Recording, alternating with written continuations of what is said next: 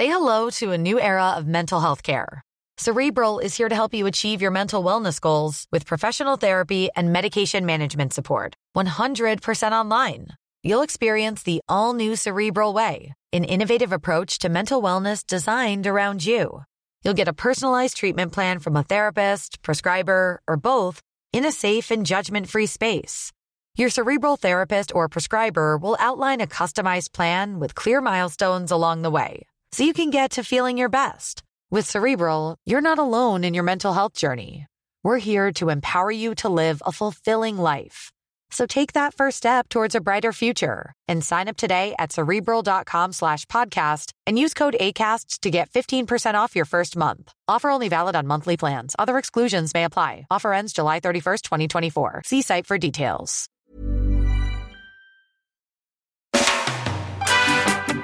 Hej och välkommen till I väntan på katastrofen. Jag heter Kalle Zackari Wahlström och det här är en podcast om krisberedskap.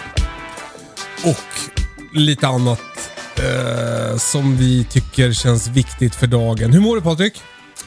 Jag mår eh, jättebra. Riktigt bra eller? Ja, det gör jag. Jag börjar, eh, jag har ju varit väldigt, väldigt eh, sliten under hösten här. Och, eh, men nu eh, känner jag att krafterna börjar återvända här.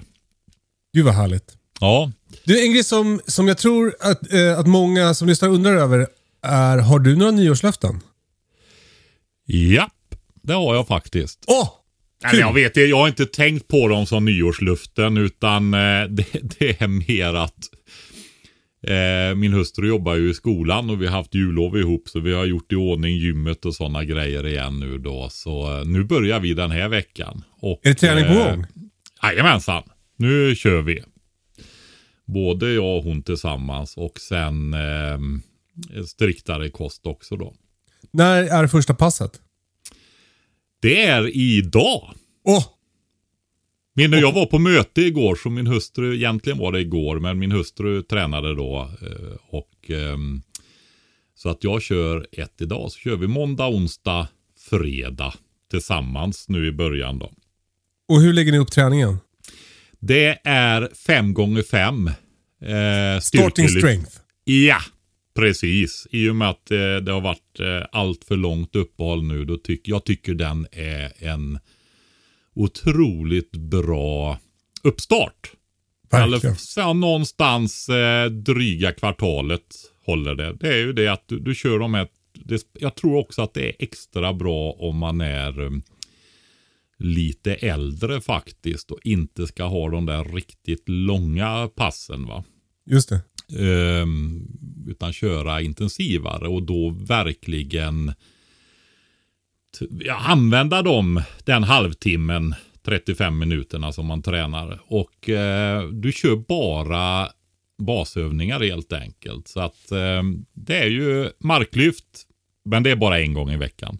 Mm. För den, eh, den tar hårt alltså, när du börjar komma upp i tyngder. Så Ja, är det. ja, ja, så är det. det är det. Men sen är det benböj. Och den är tre gånger. Det är också en sån där som verkligen tar hela kroppen och belastar hela kroppen hårt.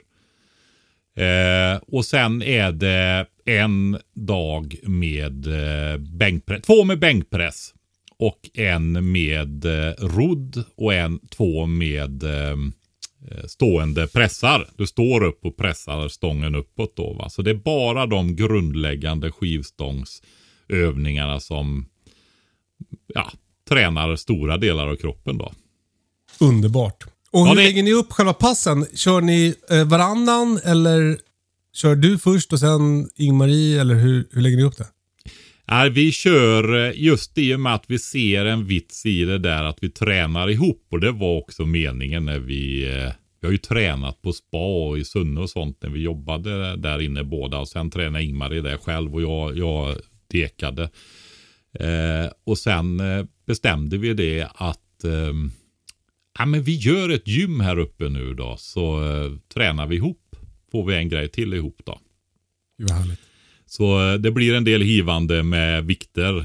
När det... Ja, olika starka eller? ja, men det blir en del av passet också då. Ja, jag, jag har också tränat ganska bra faktiskt. Jag har kört fem dagar i rad nu. Ja, Eh, men jag, kä- alltså, jag känner mig ju äldre. Helvete vad stel jag är i höftböjarna alltså. ja. Jag känner det på hundpromenaderna. Att jag bara, uh, du vet. Får typ tänka på att nypa åt med arslet när jag går för att bara, för jag får så jävla, blir så stel annars. Ja, du tänker iliopsias på framsidan där ja. Ja, Jag vet inte vad den heter men. Ja, men det är den som lyfter eh, låret när du Ja, går. exakt. Den, ja det är iliopsoas det. Den, eh, ja, jag skadade den en gång under värnplikten faktiskt. Jag kunde, de var helt... Eh, jag fick kasta fram benen Jaha. på en övning. Usch. En gång. En av de sista övningarna så jag ville ju inte avbryta heller. det kan jag tänka mig. när jag skulle gå ur sovsäcken fick jag dra mig ur sovsäcken för jag kunde inte dra upp benen. Ovärdigt. ja, men jag fortsatte i övningen. Ehm, I alla fall, så, så var man ju, då var man ju, det var ju pannben då vet du. Det, var ju, det var ju korkat såklart. Men jag hade, fick faktiskt problem med det där i många år efter. Ibland var det som någon körde in en kniv i, i ljumsken på mig då. Va? Så de Alltså det där är ju mitt problem. Jag, det där pannbenet har ju inte gått över på mig. Nej, Det är som de flesta har när de är liksom 18, 19, 20, kanske 25. Ja. Jag, jag har fortfarande så. Jag är liksom fortfarande dum i huvudet. Fan vad jobbigt Kalle! ja, ja det, det är ju... Alltså, det, det har ju funkat hittills, men nu börjar jag känna. Ja, men alltså, ja precis. Ja, Jag har sådana milstolpar i uppvaknande. För det kommer, alltså jag är ju rätt stor och har varit sådär arbetsstark som man säger. Jag har ju aldrig varit någon bodybuilder eller jättetränad styrketräning när jag var yngre och så vidare. Utan Bonstark. Ja, bondstark säger en del också. Va? Och mm, orkat mycket tunga lyft och sådär. Va? Och jag, jag tog en fem och en halv meter sån här jättegrov timmerstock. Ja. Så skulle jag lyfta upp den på en sån här eh, motorsågssågverk då, ett logosol. Mm. Och ja, men liksom du vet, man orkar mycket och ta, man jobbar inte alltid med klokt om vi säger så då. Ja, men exakt. Jag lyfte den här i rotändan vet du. ja men alltså. Finns det något annat ställe på den stocken som är lättare Ja men det var ju fem och en halv meter till andra änden och liksom.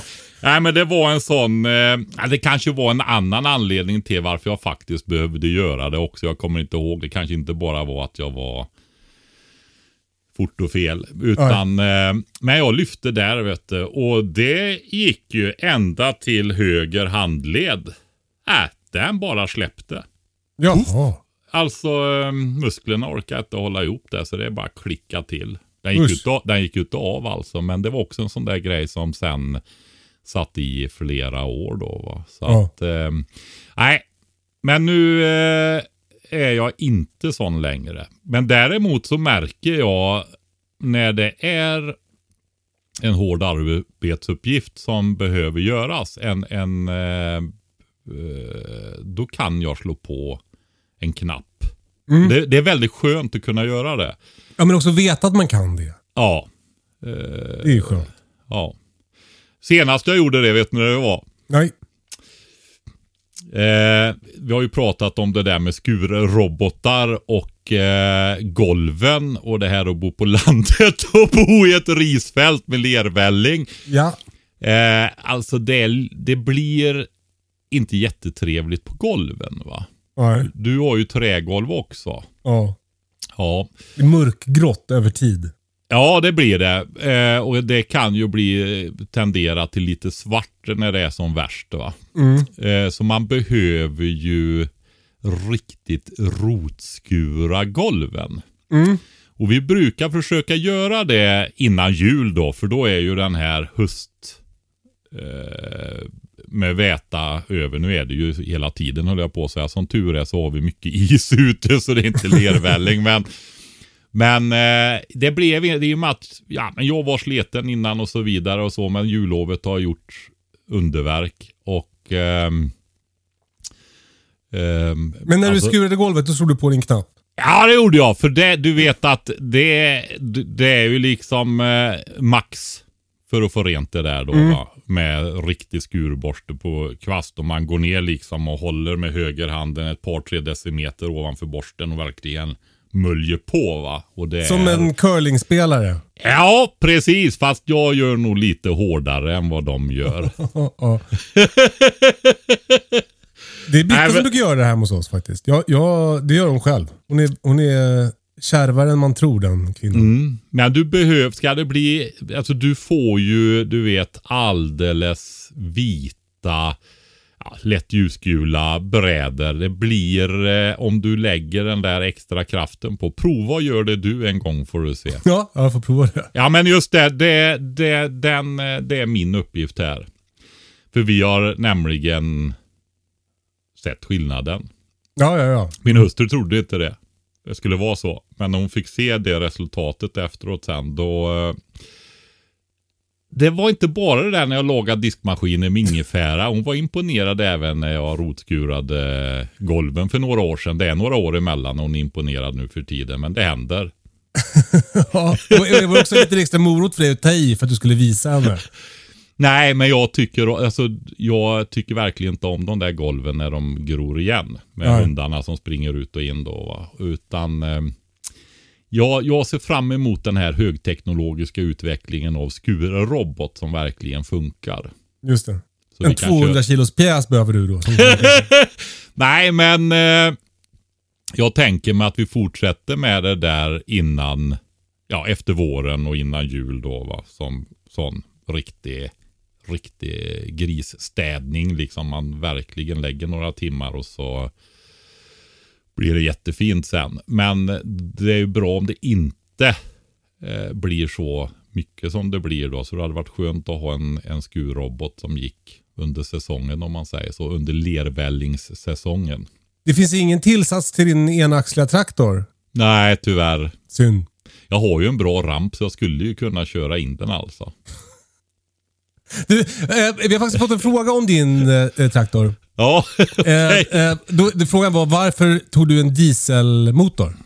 ja just det. Det är, eh, det är ju en bränslefråga helt enkelt. Vad betyder det? Eh, ja, dels så är det ju så här att eh, vill du ha ett eh, litet lager som kan stå så har du ju blankdiesel eller HVO som har mycket längre hållbarhet än bensinen oftast har då. Va? Specie- speciellt om du förstärker. HVO tror jag inte har något bäst före-datum faktiskt när jag läste senast i alla fall. Va? Mhm. Och det är ju en form av biodiesel. Jag ska inte ge mig in riktigt. Undrar om inte det är den de gör ifrån rester av från pappersbruken. Men jag vet inte. Jag är inte säker. Nej. Eh, men vill man ha bensin som håller länge, då är alkylatbensin bra. Alltså är det Eh. sån där eh, aspen? Ja, det är det precis. Och det Ja. finns olika märken då. Alkylat heter den och jag tycker det är bäst att köpa fyrtakt då. För då är det är ju det som är till de flesta gräs, eller alla gräsklippare och Den, eh, den blåa dunken tänker jag då. Men det kanske Ja, jo, ja men det är det. Den är, jag undrar om inte den är blå i de flesta märken då. Och så då orange när det är tvåtakt. Och enda Mm. skillnaden är egentligen att det är 2% olja i tvåtakten. Och det är Just väl motorsågarna som är kvar där. Ja, grästrimmer och... Ja, ja, precis. Röjsågar och motor, ja, olika motorsågar helt enkelt. Ja, ja. Röjsågar och ehm, motorsågar. Men då är det bättre att köpa lite tvåtaktsolja och så blandar du i den bränsledunken tycker jag. Så lagrar du alltid utan inblandning av olja då. Låter vettigt. Ja.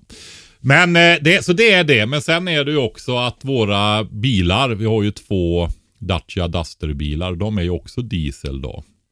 Jag förstår precis. Det var ett jättebra svar på den frågan. Hey, I'm Ryan Reynolds. At Mint Mobile, we like to do the opposite of what Big Wireless does. They charge you a lot, we charge you a little. So naturally, when they announced they'd be raising their prices due to inflation, we decided to deflate our prices due to not hating you. That's right. We're cutting the price of Mint Unlimited from $30 a month to just $15 a month. Give it a try at mintmobile.com slash switch. $45 upfront for three months plus taxes and fees. Promo rate for new customers for limited time. Unlimited more than 40 gigabytes per month. Slows. Full terms at mintmobile.com.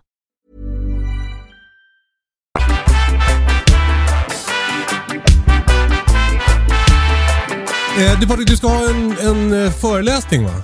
Ja, nu är det dags igen. Eh, ja, men jag åker ju iväg ibland. Jag har hjälpt Länsstyrelsen och jag har hjälpt stiftet och, och sådär. Och sen har jag här i hemkommunen då, lokalsamhället där så kör jag ju ideella föreläsningar då. Så jag har ju varit här i Gräsmark i församlingshemmet där. Och sen var jag ner till församlingshemmet i, eller kyrkan där i Sunne. Då var det de äldre damerna i bygden, senioritorna, så det var 70 plus, alltså 70, eh, mer än 70 stycken kvinnor då. Som var, och det var den dagen jag åkte till dig förresten. Just det. När jag hade fyra hönor som väntade ute i bilen när jag föreläste. Du kom, kom hit med läppstift på skjortkragen.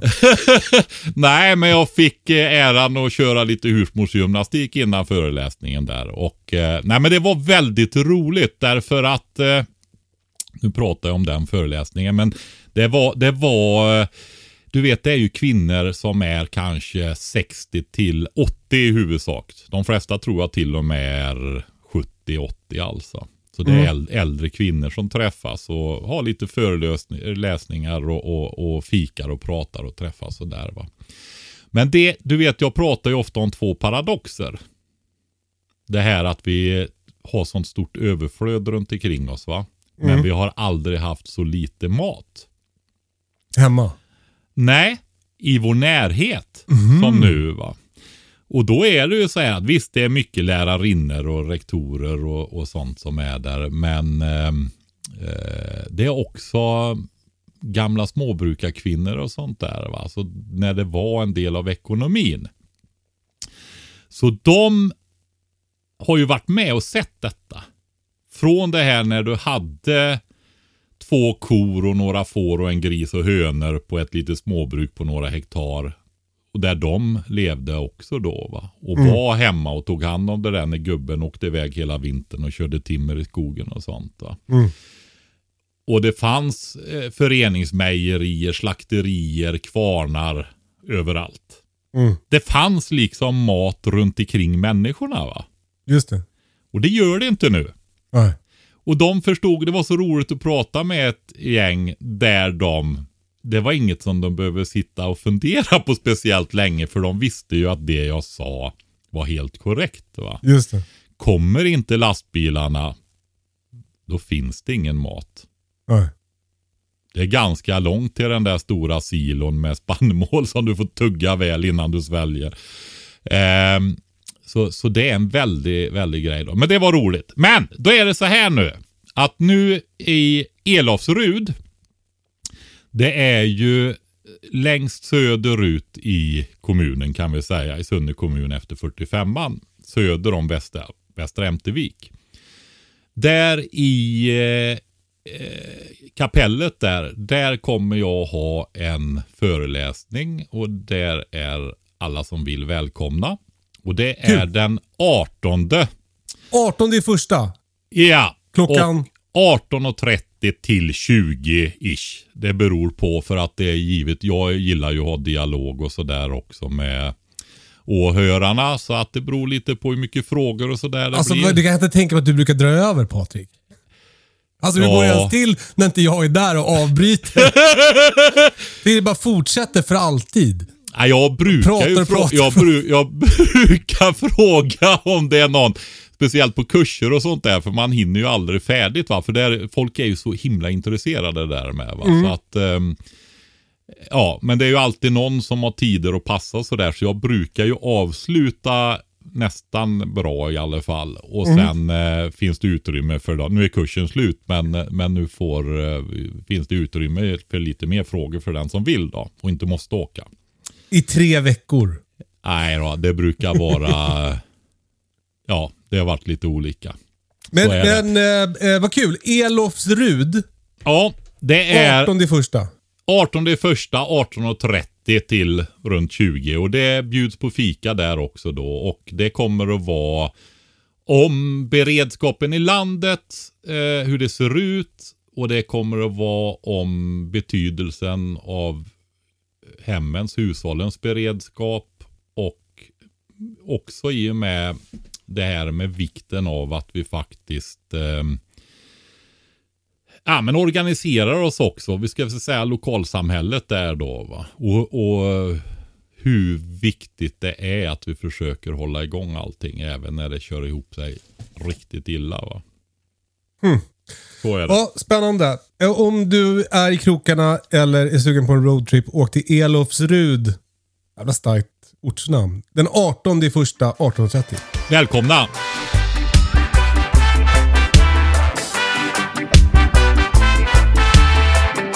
Eh, eh, jag ska också ut på vägarna Patrik. Ja! Jag- är jag kom- riktigt långt. Ja, jag kommer åka längre än Elofsrud. Eh, jag ska nämligen till eh, Ukraina. Eh, om två veckor. Eh, det, vi har ju det här företaget Prepbox. Eh, och eh, eh vi eh, insåg att vår mat, eh, det är ju samma som svenska försvaret använder till sina soldater. Då insåg vi att det här är ju perfekt för eh, att skicka till Ukraina. Alltså som, som hjälp. Både till de som eh, krigar och de som ja, men har det tufft just nu. För att det, eh, Ukraina är ju, det verkar ju vara riktigt rövigt. Om man ska uttrycka det enkelt där. Mm. Med el som kommer och går och vatten som kommer och går. Och, och det är ju verkligen liksom det här eh, eh som värsta tänkbara scenariot som vi pratar om ibland i podden. Eh, det är ju verklighet där. Alltså eh, att det inte finns någonting på vissa ställen. Eh, och därför har vi då slagit oss i slang med eh, eh, Blågula bilen.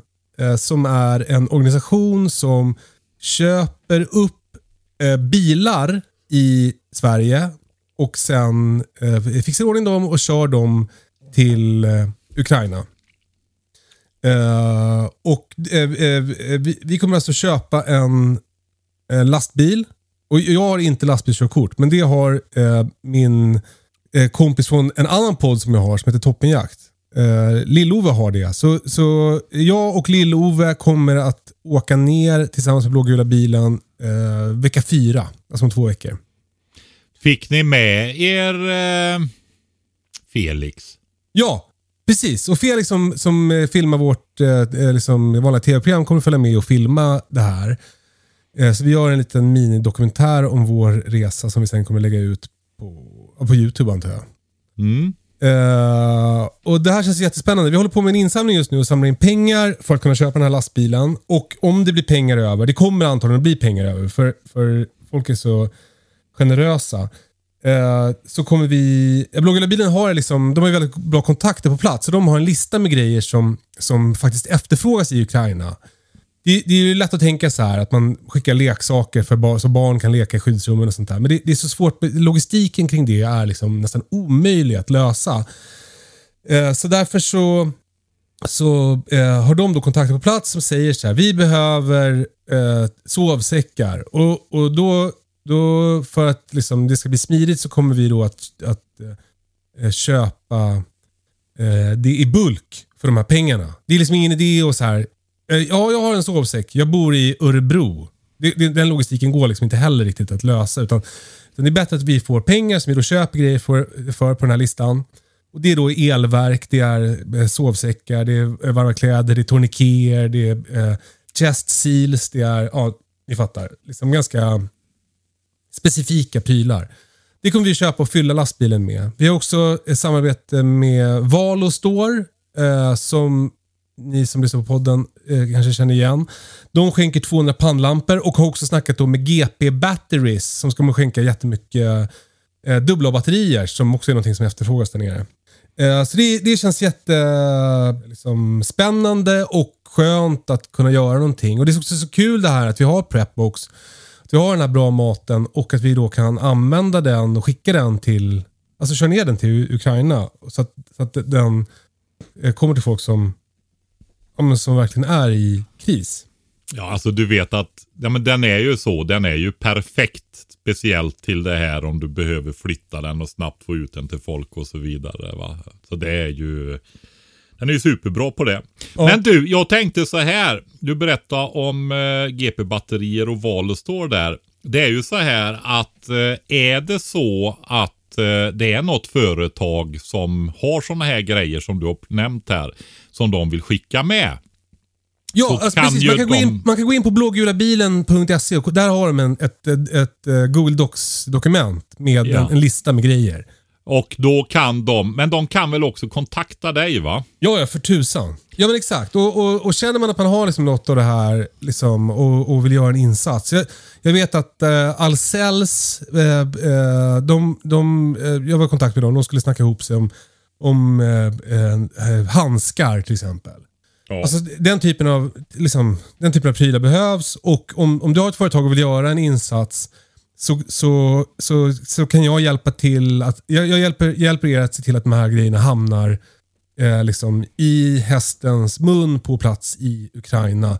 Och oss emellan så kommer jag också då att berätta om det här i liksom, när jag pratar om det här. Så att, jag, så att det blir som att, att ni, det kommer liksom inte att gå någon obemärkt förbi att ni, att ni gör det här. Eh, så så om, om du vill göra någonting, och det här gäller då inte typ så här, eh, jag har ju en gammal sovsäck, utan det här är, jag har liksom, eh, tusen par skyddshandskar. Typ på den nivån. Förlåt, det kanske låter... Men ja, ni fattar. Kontakta mig på, på, på, på mail eller DMs på Instagram. Eh, mailen är valstrom.gmail.com W-A-H-L-strom at gmail.com Och missbruka inte den e-postadressen. Är ni snälla? Eh, jag kommer dra swish-numret också. För, för insamlingen pågår fram tills att vi drar. Eh, eh, swish-numret då för att stödja det här, hjälpa oss att köpa den här lastbilen och de här grejerna eh, är 123 2897 049. 123 2897 049. Jag lär ju skriva det här i, i beskrivningen av avsnittet också så kan ni, kan ni kopiera den därifrån istället. Och tänk så här, liksom all, när det gäller stålar så är alla bidrag välkomna. Alltså, är- oavsett om det är, ja, men om, säg att det är 20 000 som lyssnar på den här podden. eh, Liksom, då, då, om alla skänker 10 spänn så är det 200 000 kronor. Vilket är ju, räcker till en lastbil. Så, så, så schyssta eh, swisha. Det skulle vara väldigt eh, eh, fint. Fan, lite läskigt att åka till Ukraina ändå, Patrik. Ja, eh, det är bra du har Lill-Ove med dig som... Som har koll på säkerheten. Det är tur att det inte är jag som är ansvarig för säkerhet. Ja, alltså det är ju eh, mitt i offensiven nu faktiskt. ja, ja. Men det var roligt att eh, Felix, han är också en ung äventyrare fast han är erfaren äventyrare också.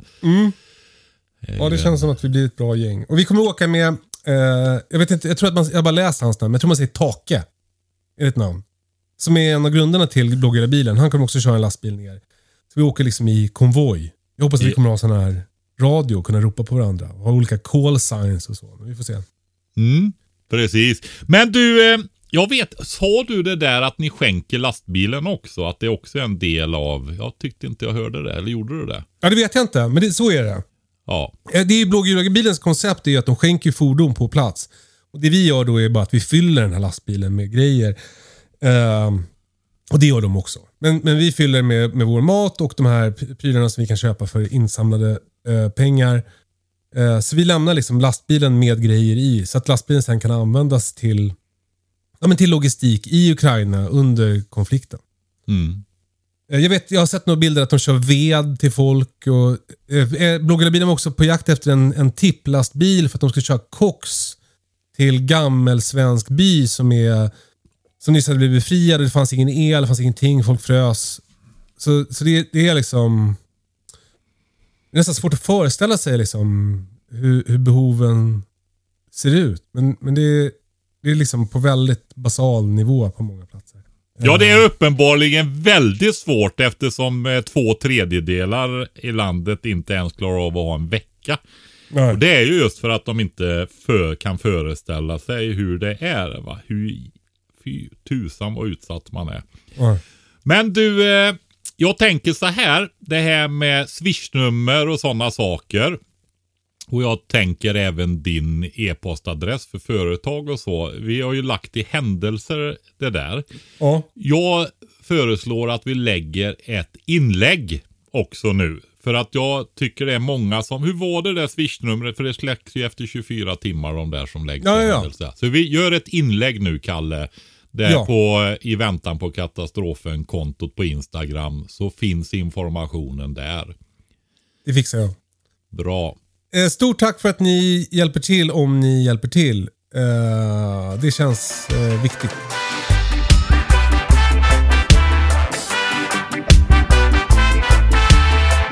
Nu blir det ett så kallat eh, eh, skarpt ämnesbyte i podden. Från eh, kriget i Ukraina till solrosodling. Men det är Ja. väl också därför ni lyssnar på den här podden. För att vi, vi, vi har ett brett angrepps... En bred angreppsyta. Rätt brett.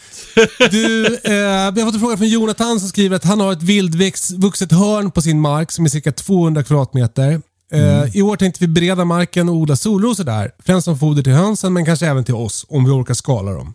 Finns det något man kan så tillsammans med solrosorna eller blir de för dominanta eller kvävda? Vi är mest inne på någon typ av nyttoväxter för mångfald, insekter och liknande. Vad säger du? Eh, alltså det där med samodling då, det beror ju på vilka avstånd du har. I, i solrosorna emellan plantorna helt enkelt. Hur mycket ljus som kommer ner. Men just när det gäller sådana här långa, höga växter som solrosor, majs och sånt. Så är ju de här klättrande växterna väldigt bra samodlingsväxter. Just det. Alltså jag tänker på eh, höga ärtor, höga bönor och sådana saker. Mm. Och eh, ärtor är en eh, blomma som är intressant för eh, insekter till exempel då. Va? Och odlar du en eh, ärta då som eh, Ja, men jag tänker på en märgärt till exempel för hushållsbruk då. Alderman till exempel. Då blommar den hela säsongen nästan. va. Så då kommer då fullt i blommor i det där och den klättrar ju då upp på solrosorna och så får du kan du skörda mängder av eh, Alltså den är ju så god. eh, Märg, äh, märgärtor generellt är ju de godaste ärtorna tycker jag. Och de är ju framtagna för lång skördeperiod. va. Alltså att du går och plockar hela tiden. Ehm, När andan faller på. Ja, det är bra att plocka faktiskt. Göra det då, i alla fall med några enstaka dagars mellanrum. Därför att då eh, fortsätter den. Va? Annars så går, blir- börjar de ju mogna de där efterhand. Va? Och då avtar det där. Tycker jag. Eh, så att, men det gör man som man som man vill givetvis då. Men det är, och då får du även en kvävefil- kvävefixerare där va. För det är ju baljväxter som har den här symbiosen med bakterier på rötterna som fixerar luftkväve va. Så det ökar, det gödslar jorden, kvävegödslar jorden med dem också då. Så Det låter ju svinbra. Hur, ska, hur, hur ser logistiken ut då? Liksom, eh, sår man eh, solrosorna och drar, sen kanske man drar upp planter av det andra och eh, planterar ut? Eller hur, hur ska man göra? Sår man båda Mm. grejerna samtidigt eller med mellanrum? Eller? Alltså jag eh, har sått med såmaskin eh, nu. För jag använder solrosorna. Jag lägger ett dubbel, en dubbelrad. Med, vad var det, 60 centimeters mellanrum kanske. Och eh, i ett U. Så att det är på öster, norr och väster så får jag samtidigt en solficka med bra mikroklimat för de växterna som jag odlar inne i solfickan då. Smart.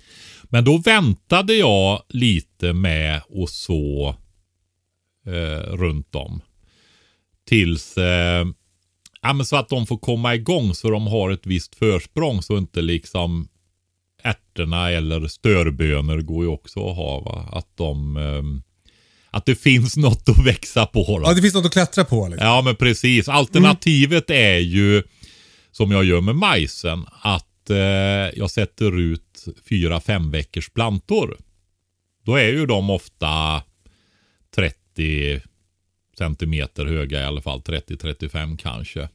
Och då eh, sår jag fröna runt dem. Fyra stycken då. Okej, fy, fyra ärtor runt varje solros Ja. eller majsplanta. Ja, ja. Eller eh, oftast är det ju bönor då när det gäller majsen då. Ja. Så gör jag. Men Vilket eh, bra gö- tips. gö- gör man lite större då, att 200 kvadratmeter är ju hyfsat stort ändå. Mm. Eh, alltså planta, det går ju att planta och planta är ju en fördel. Då har man ju bäst kontroll och de har försprång på ogräs och sådana där grejer. Men Ja, men det är ju ändå 2000 planter typ. Alltså det, det, Ja, det är, det är mycket plantor är det. Och eh, då, då kan man ju så med en radsåningsmaskin istället och då väntar du alltså till att de har etablerat sig och du kan gallra till och med. Så kan du ju ta radsåningsmaskinen och, och dra med bönor eller ärtor bredvid solrosraden då. Va? Så får de söka sig upp bäst de kan där. Ja, för det, det låter ju som att 200, kvadrat- 200 kvadratmeter är ganska, det är, det är väldigt stort. Så, så liksom, det går kanske inte att, att, att vara så noga. Alltså det är så för stort är det inte. Nej. Nej, Nej, men det går ju att välja att göra hur mycket tid man vill lägga på det såklart. Va? Så att eh, det går att både planta eller eh, eller eh, köra med radsåningsmaskin. Men skillnaden är ju den då att har du planta, då sätter du fröna direkt runt. För då har plantan redan ett försprång. Majsen, solrosorna. Eh, sår du med radsåningsmaskin, då, eh, ja eller på annat sätt, då eh, väntar du ett tag till de har etablerat sig och kommit upp. Kanske re- rensar en gång och, och gallrar och sådär. Och sen kan du så med radsåningsmaskin baljväxten då.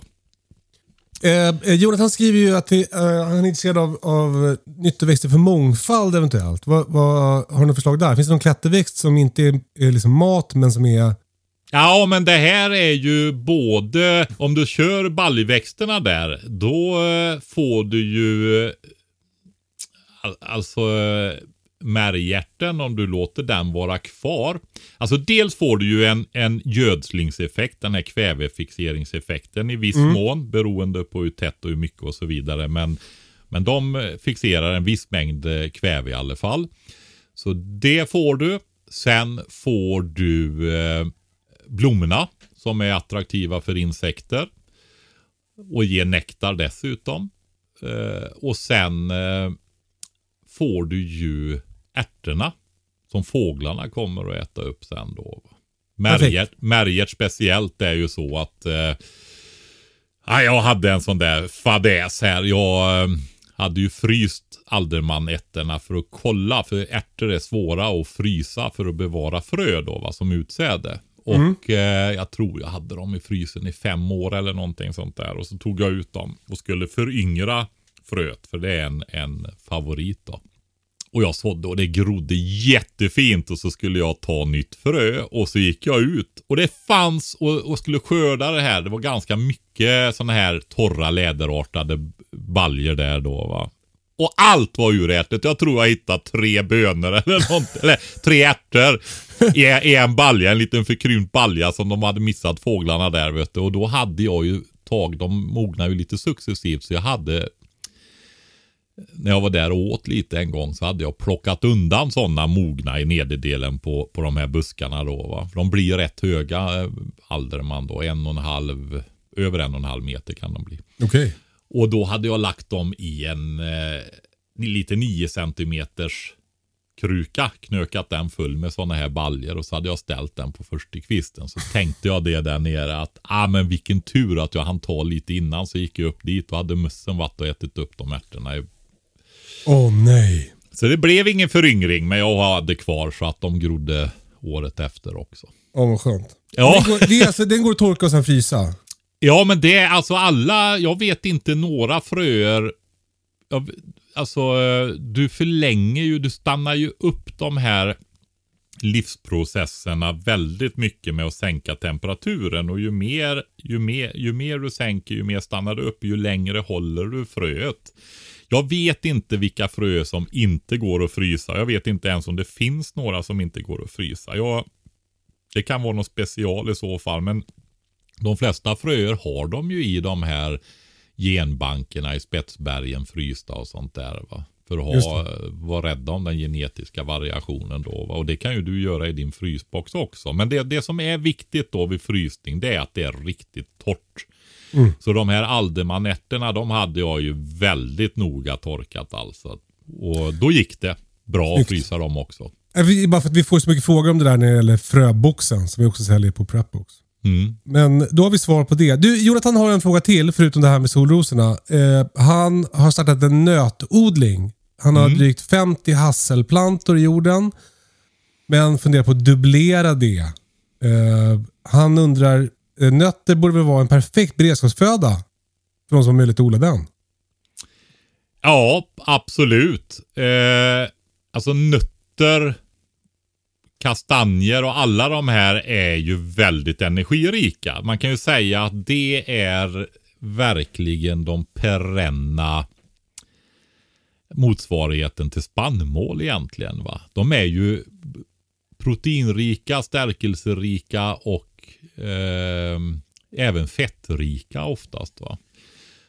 Eh, Så att eh, nötter och kastanjer och alltså det här äkta. Det går ju med hästkastanjer också. Jag har aldrig prövat det. Eh, Då måste du laka ur saponiner och sådana där bitterämnen och sånt som är i det. Men sen har du ju den här äkta kastanjen. Just jag vet att eh, Rickard, en eh, granne här i kommunen då längre söderut, han, eller ja, granne är han inte, men han är i samma kommun. Eh, Ridgedale Farm, en, en eh, global verksamhet som han bedriver där med utbildning och sånt. Han håller på och testar och eh, sätter ut för att hitta härdigare äkta valnöt eller kastanjer för att det är en sån superproducent av eh, energi. Kan du etablera ett sånt eh, äkta kastanj och den börjar ge mycket kastanj, alltså då får du stora mängder viktmässigt med väldigt stark. Det går att göra mjöl och sådana saker utav det också då. Jag, jag är uppväxt med en kastanj som vårdträd. ja, Och, och Det var ju inte en äkta kastanj utan en sån här alltså, äckelkastanj. Men, men eh, jag vet ju att det den är otroligt med frukt. Ja, det gör den ju nästan ett problem i parker och Man fick ju ha där. hjälm när man gick under. Men när den blommar då. Ja, då Och surrar det, det. det kan vi ha på surrar ja, precis. Alltså superbiologisk mångfald. Som sitter inne i en baslåda. Exakt. Men sen är det så här med nötter. Jag har eh, svart valnöt finns ju. Och det gjorde jag så här att jag drog upp egna sådana från nöt då. Mm. Och eh, du har ju olika mognadsgrad på veden i de här vedartade växterna. Alltså om du har ett lite äldre träd, det kan du ju se på grenar. Och så, ta en vinbärsbuske så är ju en ny gren, den är ju nästan grön och nästan mjuk och böjlig. Alltså Mm. så va. Eh, Knäcks inte lika lätt när du böjer på den och sådär. Men så år två då, då blir ju den mer grå och hård och härdad liksom. Mm. Och så är det ju med träden också. Och då står den emot kyla och sånt bättre och får mindre eh, frostskador. Så jag gjorde så här att jag hade den där valnötsträden i eh, krukor. Och så fick de stå ute sent på hösten och början på vintern också. Eh, så att de fick känna att det var riktig vinter. Men sen tog jag in dem så de slapp den här allra hårdaste vintern. Mhm. Så att vi, det gjorde jag i två år. Två vintrar tog jag in dem och hade dem som krukväxter inne. Och andra året så var det en stor kruka då. Riktigt stor kruka. Eh, ja men då fick den här veden mogna. Och sen har jag planterat ut den. Där jag hade två stycken. Jag satte tre kärnor. Eller nötter. Mm. Två kom upp. En dog efter några år. Eh, och en lever nu då. Så att den... Eh, den eh, behöver ju någon att pollinera sig. Men då kom en av småbrukarna med en sån valnöt nu då. Men jag, undrar, jag kommer inte ihåg om det var en äkta valnöt från Skåne eller om det var för den och kommer ha svårt. Men jag gör, den var i kruka så jag gör likadant med den nu. Att jag tar in den så veden får mogna. Den fick stå ute länge och känna på minusgraderna och så också. Men sen har jag tagit in den nu då. och vattar och ska sätta ut den. Så det är ett sätt när du har sådana vedartade som är lite på gränsen om vi säger så. Va? Ja, smart. Klim- klimatmässigt att du kan, eh, ah, de tar för mycket stryk när de är unga. Hur vet man när de är klara för utsättning? Ja, men gör du det ett par vintrar då har du ju fått, då har det hunnit mogna. Eh, så du kan plantera ut dem sen då. Ja. Absolut. äh, Och då, då står de, eller? de står ju ut, krukan står ju ute så fort liksom eh, vårvintern kommer och den här värsta, hårdaste. Så att de ska ju utsättas för eh, minusgrader och, och sånt. Och du får väl vara försiktig när du sätter ut den eh, först på våren eftersom de varit inne då i, gissar jag, rumstemperatur på de flesta ställen. Jag har ju haft min i, i första kvisten där det är ouppvärmt då. Så där kan du när det var minus 15-20 grader här under en period. Då var det ju inte plusgrader i den första kvisten. Så att den har ju haft ganska kärvt va. Så, men har du dem i 20 plusgrader över vintern. Då eh, får du kanske vara, sätta ut dem lite senare så att det inte blir en jättechock med minus 10 helt plötsligt. Va? Just det. Eh, ja, så det, man får tänka efter helt enkelt och inte jobba mekaniskt utan med omsorg och ha lite grundläggande förståelse för de där växterna då. Det vad, vad man gör. Så är Just det. Men hasselnöt ska jag säga så här att det där har jag ju tänkt på. Ja. Eh, det är ju liksom verkligen våra nöt. Vi har faktiskt här där jag bor vilda hasselnötter. ja det, det, har, det finns här också. Ja, men det är inte så konstigt att det finns hos dig. För att eh, det gör det efter kusterna och så i de här växtzon 1 och 2. Eh, en hel del. Men här är ju växtzon 5. Just det. Men du har bra platser i sluttningarna här med bra mikroklimat. Och du har en eh, näringsrik mineral, berggrund också. Va? Hyperit och de sådana. Så det är väldigt bra näringsrik jord här. Alltså skogen här uppe på över 300 meters höjd växer med 10 kubikmeter per hektar. Va? Boniteter på det och det är väldigt höga tal då. Mm. Och det är ja, överkilningseffekter av vatten och, och, och hög närings, mycket näring i jorden då. Eh, Alla lyssnare hörde exakt hur mycket jag visste om boni, bonitet. jo men det är ju det. Boniteten är hur mycket tillväxt har du på en yta. Man kan prata om bonitet i ett, en sjö också. Hur mycket fisk, eh, många kilo fisk skapas det i den här sjön per hektar. Men det oftast används det ju på skog. Hur, hur är tillväxten då? Det är ju när du gör olika skiften och skogstaxering och sånt där. Ehm, skötselplaner eller inför försäljning och sånt där så värderar man olika skiften och tittar. Ja men här är det dålig tillväxt. Ehm, det har de verktyg för att bedöma då. Det, är du skicklig så kan du titta. Vad är det för flora på marken och så vidare. Va? Vad är det så? Så kan man göra en hyfsad bedömning på det. Alltså jag sitter och fnissar nu. Det är så jävla roligt. Alltså, Jag vet, jag vet vad bonitet är. Men jag låtsades som att jag inte visste det. Ja. För att det skulle bli roligare i podden och för att du skulle förklara. Ja men det är väl många som inte vet vad bonitet Nej, är. precis. Men det är bara det är roligt att, det, att, min, att det är min instinkt är alltid att låtsas som att jag inte vet. Ja, hur som helst. Eh, Hassel, har du inte hållit på med i din trädgård eller? Nej, jag har inte gjort det. Men nu gör jag det. Jag började i fjol, gjorde jag det. Jag planterade två olika, de behöver ha olika sorter. De är korspollinerade så att de får, för att få bättre fruktsättning då va. Det finns något som heter typ belgisk jättehassel eller något sånt där. Ja, det finns ett antal. Eh, ja, jag vet inte hur många sorter det är nu, men i alla fall eh, någonstans fyra till tio sorter som är ganska allmänna någonstans där. Jag har två än så länge. Jag ska skaffa några till. Ja, belgisk jätte är en kanin. Ja, belgisk. Ja, det är det. Det är den största kaninrasen. Men det finns en som heter jätte någonting faktiskt i eh, hasselnötssorterna också. Jag vet inte om den heter belgisk jätte, men det finns en som heter jätte någonting där. Ja, ja, ja precis. Jättenöt från Hall. Mm. Ja, det var lite skillnad. Var ligger Hall då? Eh, det är väl ett fängelse där va? Ja, men det, det är inte samma. Det låter, alltså många tror mycket av det här kan ha... Det ligger i Tyskland. Ja, jag kan säga så här att jag tror att många sorter har sitt ursprung i, gissar jag, Tyskland och Danmark. Jag, var inte, jag, jag tänkte att Hall låg i Belgien bara. Det var inte mer med det. Det kändes Benelux. Ja.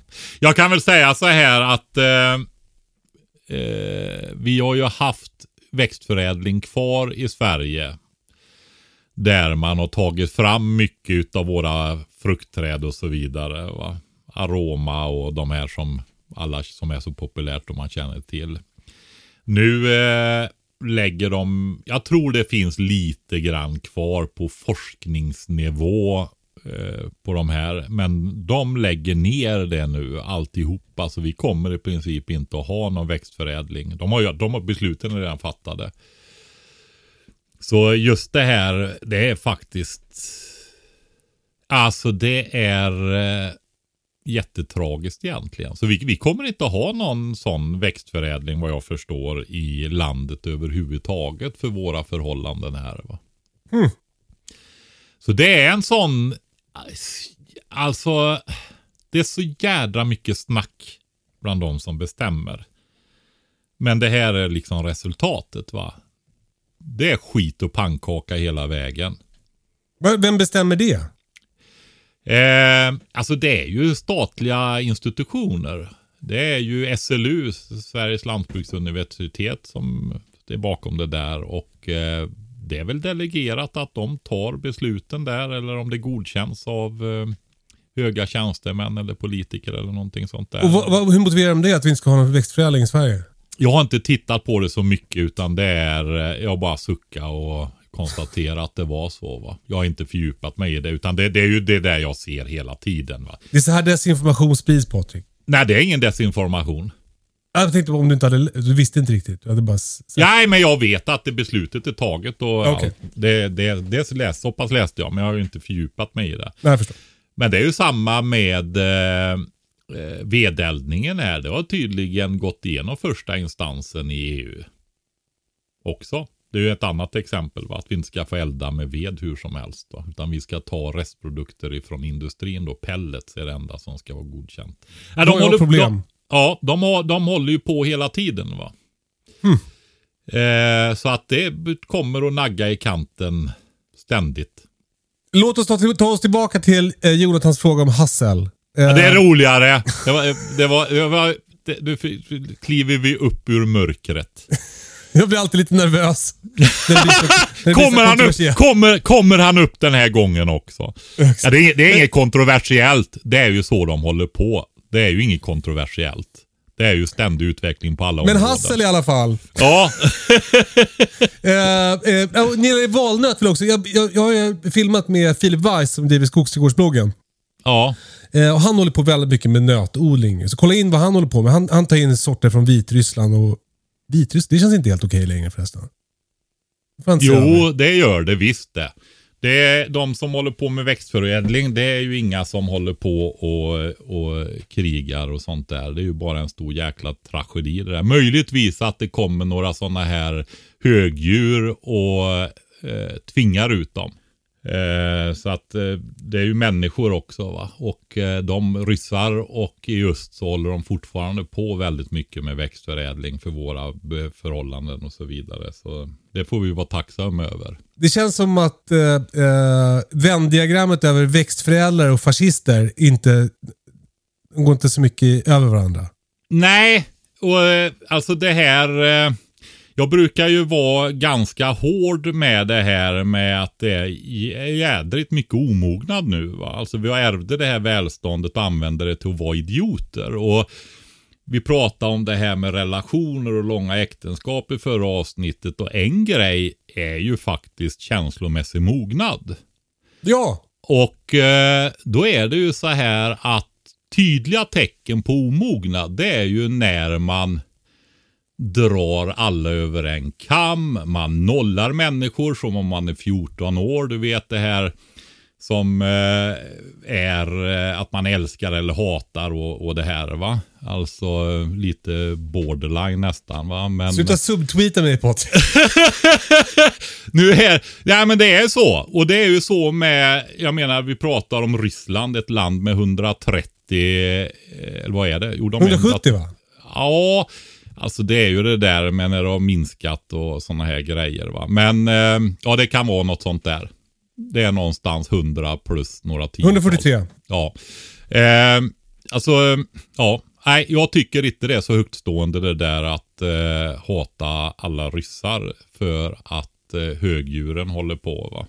Nej, det, finns ju, alltså det, eh, det finns ju en grej med eh, att, man, att man tycker att folk borde göra mer motstånd i Ryssland mot kriget till exempel. Och, och Jag vet att det finns folk som gör det och får liksom eh, sota för det. Och likaså i Vitryssland så det finns det jättemycket folk som saboterar järnvägar och sådär. Men, men, men eh, sådana allmänna breda sanktioner efterfrågas ju av folk som tycker att det är för lite. Att det, liksom, om, om de här, liksom, om, säg att det är är liksom, eh, 100 000 högdjur i Ryssland. Då borde ju 143 miljoner andra kunna liksom, kasta dem åt helvete om det blev tillräckligt. Ja, du fattar.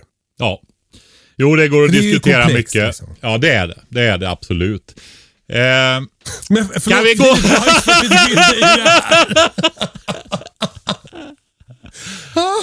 Åh herregud. Det jag ville säga var i alla fall bara, om man är intresserad av härliga nötsorter som klarar sig i vårt klimat så kan man gå in på Skogsträdgårdsbloggen.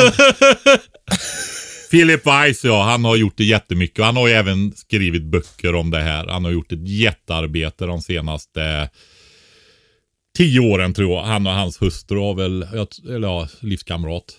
Och sen har han också en, en kompis som heter Martin. Ola som skogen heter han på Instagram tror jag. De, han är också, de är jättegulliga. De har hjälpt mig att plantera äppelträd. Mm.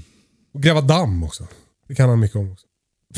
Jonathan, du hade inte riktigt någon fråga och fick heller därför inte riktigt något svar. Men det här var lite allmänna tankar om nötodling. Det är ju någonting som man som, man, som jag, jag i alla fall tänker ganska mycket på, men som jag inte riktigt har fått till. Jag har köpt någon sån där jättenöt från Hall. Eh, som jag sen har vanvårdat. Eh, och sen grävde bort tror jag. Jag tror den dog. Ja. Ja, gräver man bort dem, det brukar vara hårt. Du, eh, eh, en grej som också är, jag har liksom fantiserat mycket om att jag ska eh, skörda hassel i skogen. Jag frågade Filip om det när han var här. Han säger att det är så otroligt svårt att tajma det där för att eh, eftersom de är så eh, kaloririka så vill alla djur i skogen också äta dem. Det, det, är, ju- det är ju en av anledningarna att jag har liksom inte prioriterat det där. Vi kan väl säga så här. Jag har ju haft en finsk spets, en träskällare. Ja. Och eh, Alltså de skäller på fåglar som sitter i träd. De skäller inte på ja, träden. nej precis. De, de stöter upp fåglar som äter bär på hösten på backen, blåbär oftast. Och så flyger de iväg och sätter sig i ett träd och så går de dit och skäller på dem och pekar Just. ut var de sitter. De kan stå och lyssna var fågeln sätter sig på upp till en kilometers avstånd och så kan de följa doftspår i luften och sådana grejer. De är helt fantastiska. Jag hade en sån.